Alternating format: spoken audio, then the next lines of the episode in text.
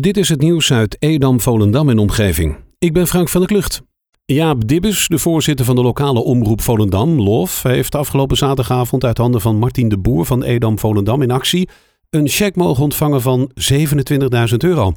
De LOF heeft het momenteel lastig door tegenvallende inkomsten vanwege de coronacrisis.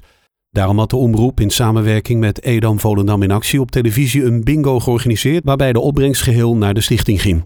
Zaterdagavond, iets na 8 uur, ging de eerste bingoballen rollen in de bingo-molen van Eddy Guit.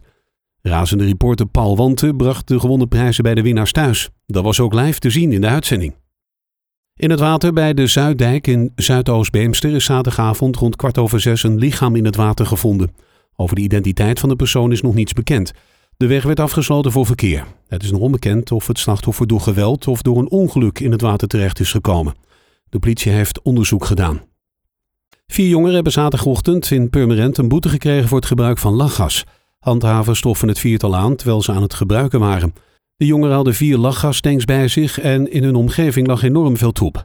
De handhavers hebben het viertal gemaand alles op te ruimen en kregen uiteindelijk ook een boete voor het gebruik en in het bezit hebben van lachgas.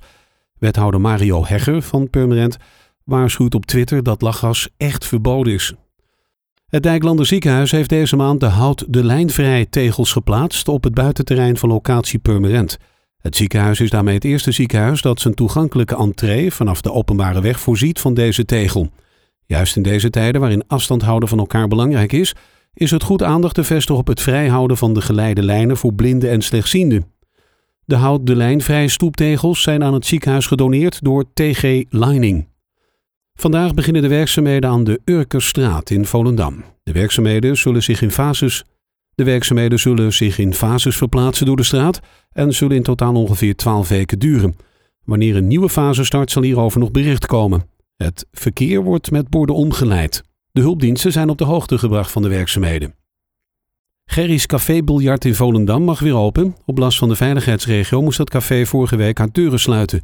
De noodverordening COVID-19 werd niet goed nageleefd. De sluiting was bedoeld om de ondernemer de kans te geven de situatie te herstellen. De eigenaren van Gerry's Café Biljart in Volendam hebben een herstelplan gemaakt.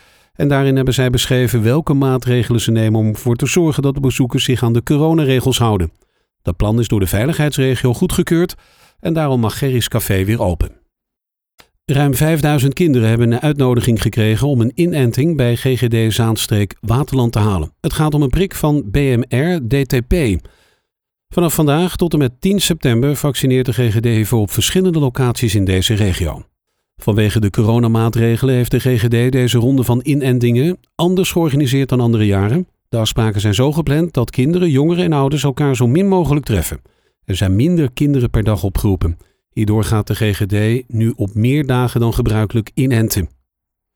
De Britse short Sterling bommenwerper BK-716, die eind 2008 is gevonden door bemanning van reddingboot Frans Verkade van station Marken, zal vandaag worden geborgen. Na 12 jaar onderzoek van de stichting Aircraft Recovery Group uit Heemskerk, samen met het Marker KNRM-station, wordt de short Sterling boven water gehaald.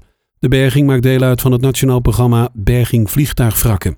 Het wrak wordt nu geborgen omdat zeer waarschijnlijk de stoffelijke resten van de zeven bemanningsleden nog in het wrak bevinden.